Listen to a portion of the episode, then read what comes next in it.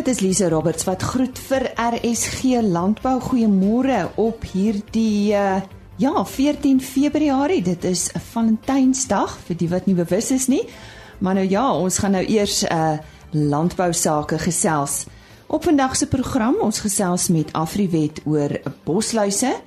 Dan uh, praat ons oor 'n reddingsboei wat Astral Foods vir The World of Birds beskikbaar stel en uh, ons gesels ook met die Suid-Afrikaanse varkprodusente organisasie.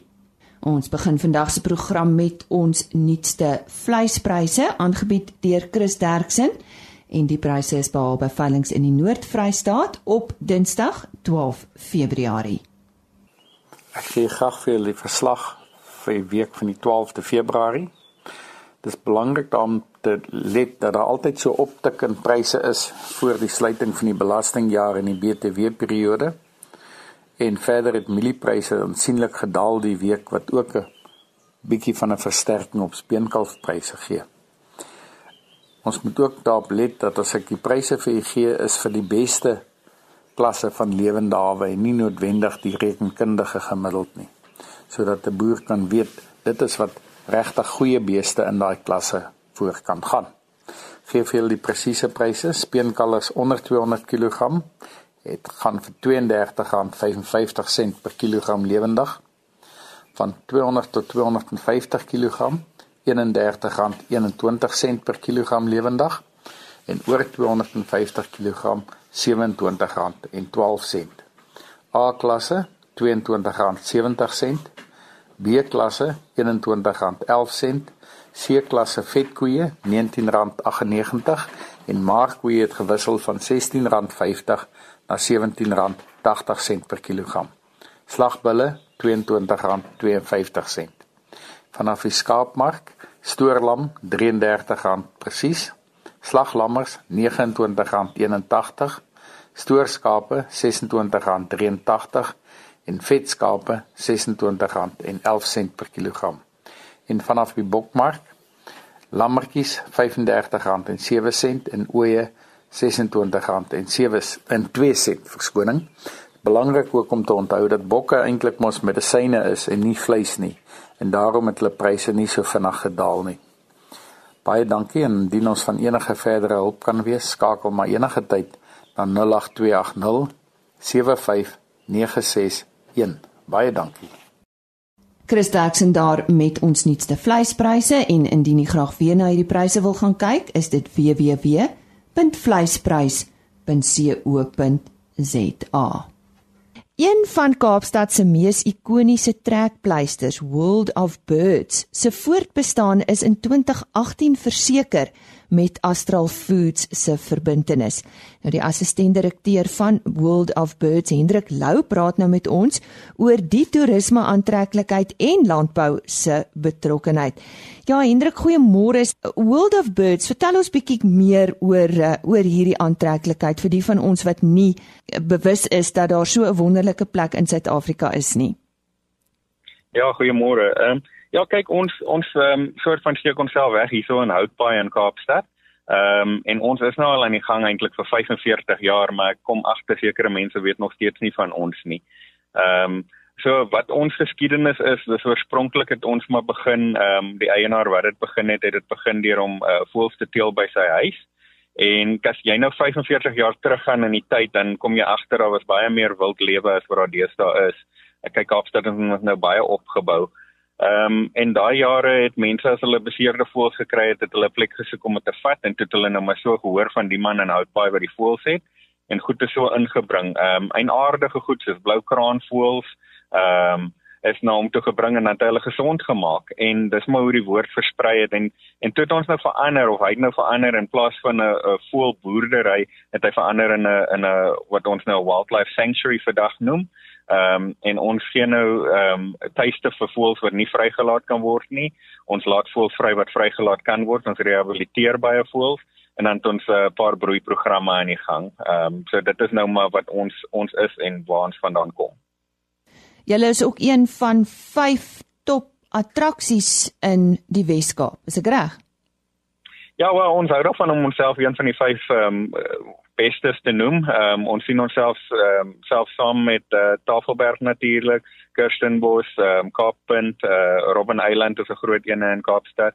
Ehm um, en so ons stel onsself maar saam met hulle. Ehm um, ons kan nie sien hoekom ons nie moet terugstaan nie. Nou vertel ons bietjie die park is blykbaar ook noemenswaardig ten opsigte van 'n spesifieke broeiprogram. Wat is dit? Ja, kyk ons het 'n paar broeiprogramme aan die gang. Ehm um, een wat wat gewoonlik die meeste uitstaan is die uh, bromvoël van Suid-Afrika. Kyk, hulle is redelik bedreig in Suid-Afrika en daar's 'n groot program uh, reg deur die dieretuine in Suid-Afrika. Daar's 'n paar dieretuine wat deelneem. So ons het hulle in gevangenskap, ons steel hulle in gevangenskap, ons ruil uit met mekaar en dan wat ons probeer doen is natuurlik om hulle so wild as moontlik te hou en dan weer uh, na na ruk gaan hulle terug in die wild in. Ehm um, so wat ons reg gekry het, ons is die eerste plek in die land of in die wêreld al, altans waar dit reg gekry het om 'n paar aan te hou wat hulle eie kleintjie groot gemaak het. Ehm um, so hy het nou al daai ondervinding opgetel van hoe hy groot gemaak word. Hy loop nou saam met ma en pa rond en help met die volgende kleintjie en dis wat hulle nodig het. In die wild is hulle ehm um, groep groep voëls waar ma en pa teel en al die jongetjies help gewoonlik om die kleintjies groot te maak. So hulle leer verskriklik baie van hulle ouers af. So ons is baie trots dat ons dit kon regkry. Ag, dis 'n pragtige storie. Gesels met ons oor die moeilike tye wat uh, World of Birds beleef het en ek dink veral die afgelope tyd met die droogte. Ja, lewe lewe raak moeilik, jy weet. Ehm um, jy dink nie hoe die droogte jou affekteer nie, maar dit affekteer ons hier in Kaapstad waar die waterpryse skrikkelik hoog gegaan het. Ehm um, ander onkoste is natuurlik is jou kos en so aan. Ehm um, verlede jaar Mei maand uh, was seker een van die slegste tye ooit in in uh, Wildebird se tydperk. Ons ehm um, werkgewer of werkers moes moes op halftyd gegaan het want ons kon net nie bekostig met die ehm um, onkoste nie. Ons het maar van dag tot dag gelewe en en so probeer uithou. So dit was verskriklik erg en ons het ons het 'n uh, 'n soort van 'n noodkreet uitgesit en gevra die publiek moet help en ehm um, die park aan die gang hou, jy weet die die eienaar het gaan uh, geld leen teenoor sy huis tot die maksimum maar dit was opgebruik teen daai tyd so ons kon eintlik nêrens verder gaan jy was heeltemal in 'n hoek gedruk. En hoeveel mense werk op die oomblik daar? Want daar's salarisse wat betaal moes word nê Ja ja kyk ons werk nie met um, met vrywilligers soos wat baie mense dink nie. Kyk as jy met diere werk dan het jy mense nodig wat elke dag hier is So ons het 45 mense wat permanent by ons aangestel is. Ehm um, en dan elke elke persoon het sy sy afdeling waar hy na sy diere moet kyk. Ja, kom ons gesels oor daai bedryfskoste wat van so 'n park, hoe sien dit daar uit? Gesels 'n bietjie met ons daaroor. Ja, kyk, ons onkoste per maand gaan enigiets van 650 eh, tot 700, soms 750 000 per maand. Men mense skrik gewoonlik as hulle dit hoor en dink hulle hoe is dit moontlik? Maar as jy nou vat 45 mense wat aangestel is, dit is jou bulk van jou van jou geld gaan soen toe.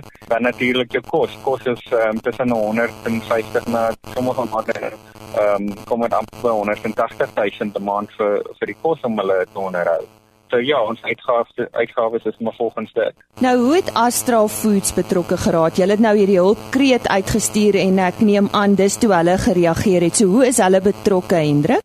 Ja, dit was um, een van daai oproepe wat ons gekry het. Dit was 'n Dinsdagoggend. Ek sal dit nooit in my lewe vergeet nie. Ek het, ek was baie mismoedig gewees daai tyd. Ehm um, en ek het gesit in die kantoor en 'n oproep gekry ehm um, van 'n dame af wat gesê het hulle bel skakel nou van Astral af. Ek het nie geweet wie Astral was nie en gevra ehm um, hoe vinnig kan ons Johannesburg toe kom om met hulle te ontmoet. Ek was bietjie uh, wie weet so wat en ek het gevra nou maar wat presies. Dis hulle nee ons wil kyk hoe ons jou kan help. So ek het gesê ja natuurlik ek ek kom op. Ek luister na almal op daai oomblik. Ek het enige enige raad gevat om om ons te red. En deur die loop van die dag op daai Dinsdag het hulle vir my ehm um, kaartjies gereël vir vlug Johannesburg toe en alles. Alles was deur hulle georganiseer. Alles was betaal deur hulle ek moes net die donderdagoggend op die vliegtuig kom. Ehm um, ek is opgetel aan daai kant. Ek is gery na Astral toe. Ehm um, en daar het ek uh, vir hulle ontmoet vir Chris en ek het daar gesit baie skrikwekkend vir my want ek is nie ou wat met so baie mense sit gewoonlik nie en daar het ek gesit in in in hulle ehm um, kamer en en Chris het my gesê relax ons is almal boere hierso. Ehm um, en dit het my so baie beter laat voel, jy weet. En Astral het toe vir my in daai vergadering gesê, kyk, hulle sien hoe ons hulle hulp nodig het en wat hulle kan doen vir ons is hulle kan vir ons 'n 100 000 rand se voer per maand skenk. Ek het amper agteroor geval. Ehm um, en jy weet jy, wat, wat doen jy? Ehm um, hoe sê mens dankie vir so iets? En en toe van dis Junie verlede jaar ehm um, het hulle begin 100 000 rand 'n maand in kos aflewer hier. Ons bestel die kos, hulle voorsien dit. Ehm um, kyk hulle besit vir vir Meadow natuurlik. Meadow voorsien al die graan wat ons nodig het. Ehm um, en dan gebruik ons baie hoender. Mense besef nie ons gebruik ehm um, 'n ton hoender in 'n week. En County Fair is een van hulle produkte en County Fair het ingekom en, en gee vir ons die hoender. So dit was hulle hulle grootste betrokkeheid is is hoe hulle vir ons kos gee tot vandag toe. Hulle gaan nog aan daarmee, jy weet. Ehm um, ons is ons is so dankbaar daarvoor. Nou ja, ons ken hulle ook goed en uh, dit is natuurlik Chris Kutte van ehm um, van Astro Foods. Ja, en ons is baie bly saam met julle dat hulle aan boord gekom het en uh, ons wens uh, uh, julle baie sterkte toe Hendrik met World of Birds daar in die Wes-Kaap. En ons vertrou dat julle reddingsboei nie sal ophou nie en dat dit net goed gaan met die bedryf. Uh, vertel vir ons presies waar is die park geleë vir die wat nou skielik dink o, ons was nou nog nooit daar nie. Ons graag jy sê in Houtbaai. Ons is in Houtbaai. Ehm um, is baie maklik as jy in Houtbaai inry daar is ehm um, um, bordjies op wat jou na ons toe aanwys. Ehm um, maar ons is in Valley Road in Houtbaai. Ehm um, jy kan ons nie mis as jy in Valley Road is nie. Daar's groot borde buite op, ja. Ja, dit was die stem van Hendrik Lou. Hy is die assistent direkteur van World of Birds. Enie Maas gesels nou met Afriwet. Die uh die somer is nou voltyds aan die gang. Uh ek wil amper sê vol stoom. En uh ons uh, gesels nou met Dr. Johan van Rensburg van Afriwet om te hoor uh wat op die oomblik uh, op boere se plase aan die gang is. Veral hierdie tyd Johan uh, hierdie tyd van die jaar is natuurlik piek piek tyd van waar die wurms en die bosluise en al hierdie tipe van goeters die manne die manne takel en die diere takel op die plase. En en wat behoort nou gedoen te word om bosluise te bekamp? En nie op hierdie stadium is die bosluispopulasie baie hoog en dit is natuurlik soos ons weet by veral as jy kyk na spesies soos die blou bosluis Hulle is nou hier in hulle 5de of 6de generasie van van van bosluis spesies wat wat aan die rond te doen. Op hierdie stadium is maar waar die boere die die veel gereeld maar moet dophou om te kyk hoe die bosluisladings is en hierdie ooreenkomstig te dip. Maar wat vir my meer belangrik is, is ook die blote feit dat met die winter wat ook nou, nou om die draai is, jy weet, en die winter wat voorlê, moet ons nie nalat om ook ten minste een of twee keer in die winter ons diere te dip nie. Want die bosluis is 'n een van hulle oorwinterings oorlewingsstrategie is is natuurlik om in die winter in as onvolwasse stadiums bo op ons diere hulle self te huisves. So as ons hierdie populasies op die plase wil afbring en die bosluise wil minder maak, moet ons nou natuurlik nou gereeld dit, maar ons moet dit regtig onthou om in die winter in ten minste een of twee keer ook die diere te dip. So is uh, is dit maar die antwoord vir uh, bosluisbeheer dip is maar seker die die die mees praktiese antwoord wat daar is. Daar's natuurlik baie ander bestuursmoontlikhede en, metodes wat mense ook dan moet kyk. Ehm um, die wisseling van kampe en dit gaan aan natuurlik afhang van area tot area vir die tipe weidings wat daar is. En om sekere dierspesies en sekere kampe te laat bewyd, baie soos wat ons ook baie keer doen uh met wurminfestasies, maar met bosluise omdat daar 'n baie groot beweging is van wilde diere ensovoorts is mense nie altyd is, is die bestuursaspek daar agter nie altyd so baie maklik nie. So die gebruik van dipstowwe is die mees praktiese antwoord heidaglik, maar ons moet ook onthou dat hierdie dipstowwe natuurlik die, die bosluise ontwikkel weerstand teen hierdie dipstowwe. So ons moet dit met met uh, die regte manier gebruik. Laat ons dit nie te veel gebruik nie, ons moet dit ook nie ondersterkte gebruik nie.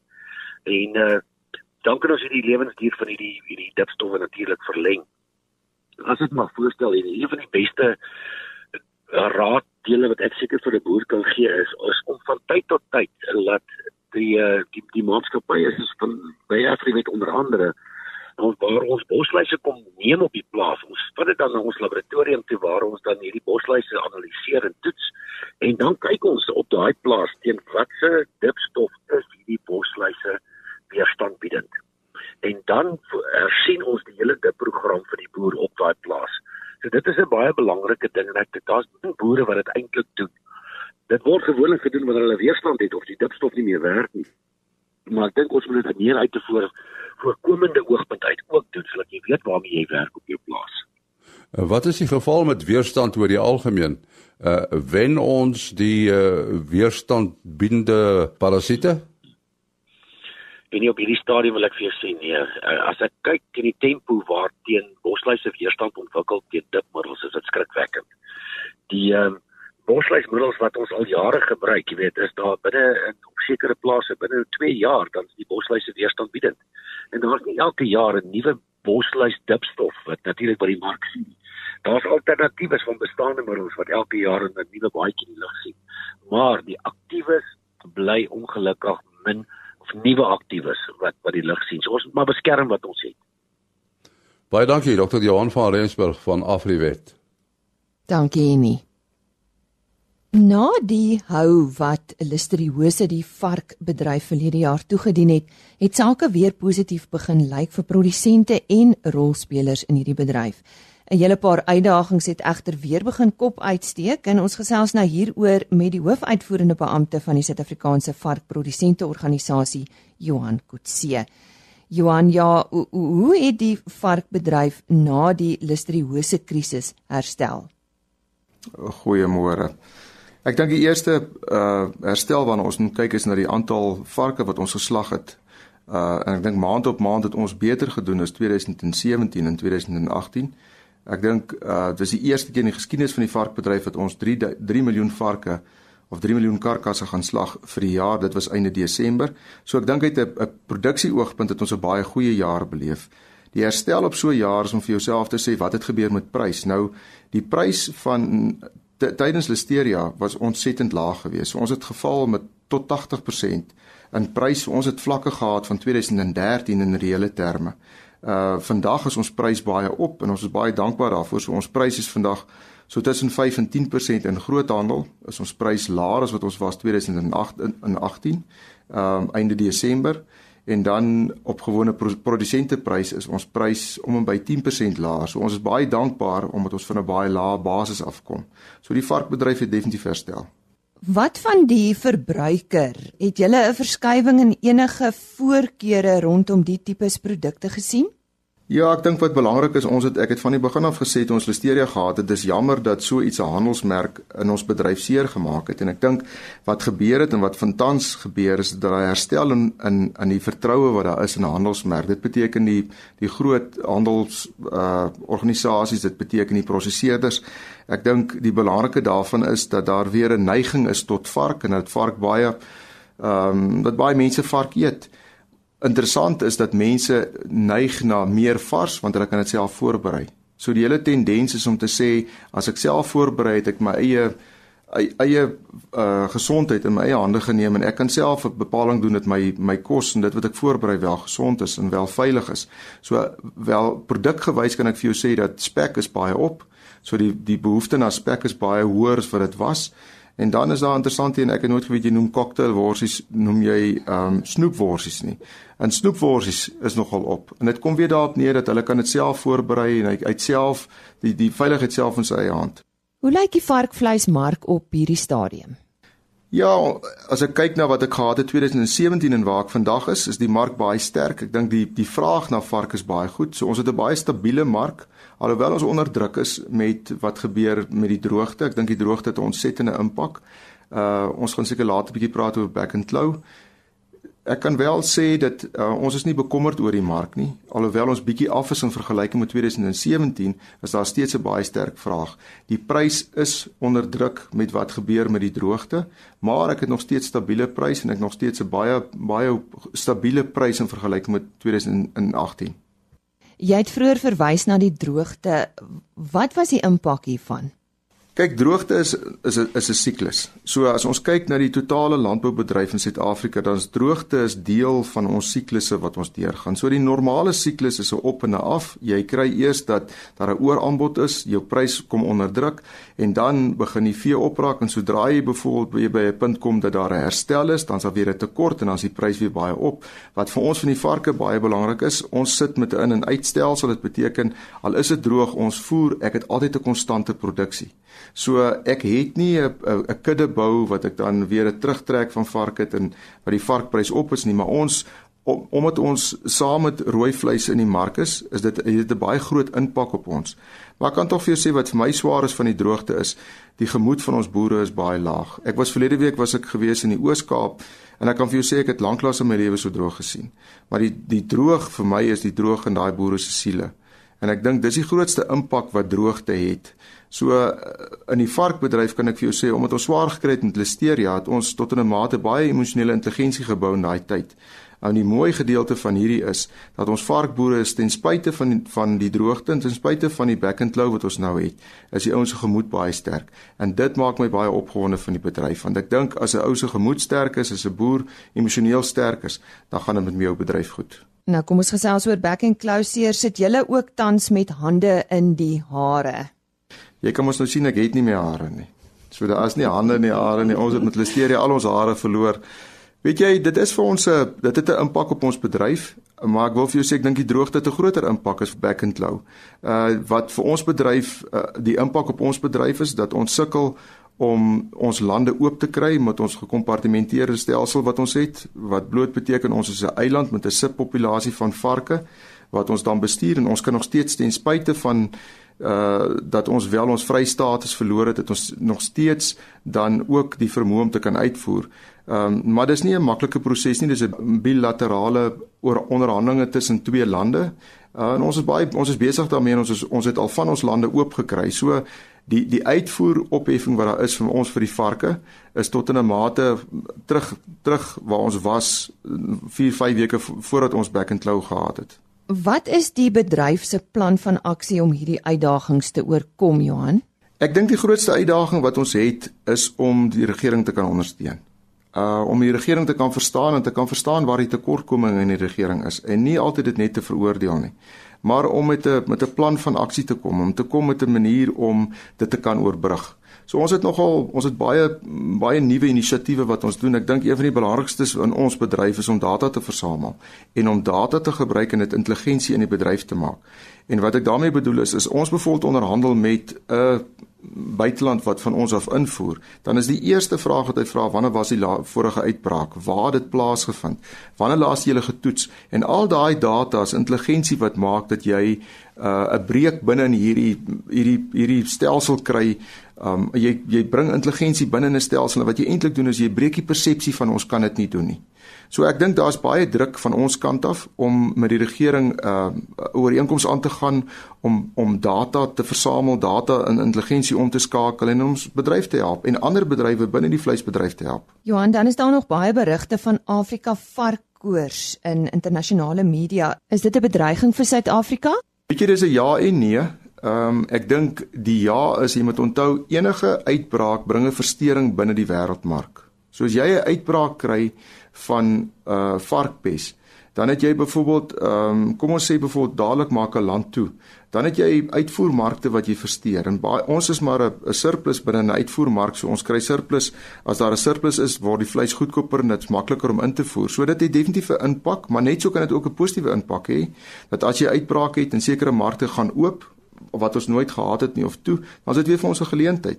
Ek dink dis die een gedeelte, die ander gedeelte is Ehm um, as jy 'n uitbraak kry, onthou vir ons daar's baie druk op invoere by ons om seker te maak dat ons maak seker dat die die kudde of die gesondheidsstatus wat ons het in Suid-Afrika uh van die varkkudde bly wel in plek. En sodra jy uh, oormaat invoere kry of ewe skielik 'n baie groot invoermark het dan plaas jy baie druk op strukture. En daar is ons is maar onder onder kapasiteit op struktuur veral van die regering se kant af om dit te monitor al, alhoewel die regering 'n fantastiese werk doen. So dit kan miskien dalk 'n negativiteit bring en ons moet net seker maak dat ons wel daai gedeelte reg monitor en, en reg bestuur want dit is vir ons ontsettend belangrik. Ons het een van die mees gesonde varkuddes in die wêreld. Nou ja, op daardie hoogtepunt sê ons baie dankie aan die uh, hoofuitvoerende beampte van die Suid-Afrikaanse Varkprodusente Organisasie, Johan Kotse. En daarmee groet ons dan ook vir hierdie week. Baie dankie dat u tyd gemaak het vir ons. Onthou om eh, maandagooggend weer saam met ons te kuier. Môreoggend om kwart voor 5 kom daar RSG Landbou nuus vanaf Elsenburg. Goeie naweek word u toegewens. Totsiens.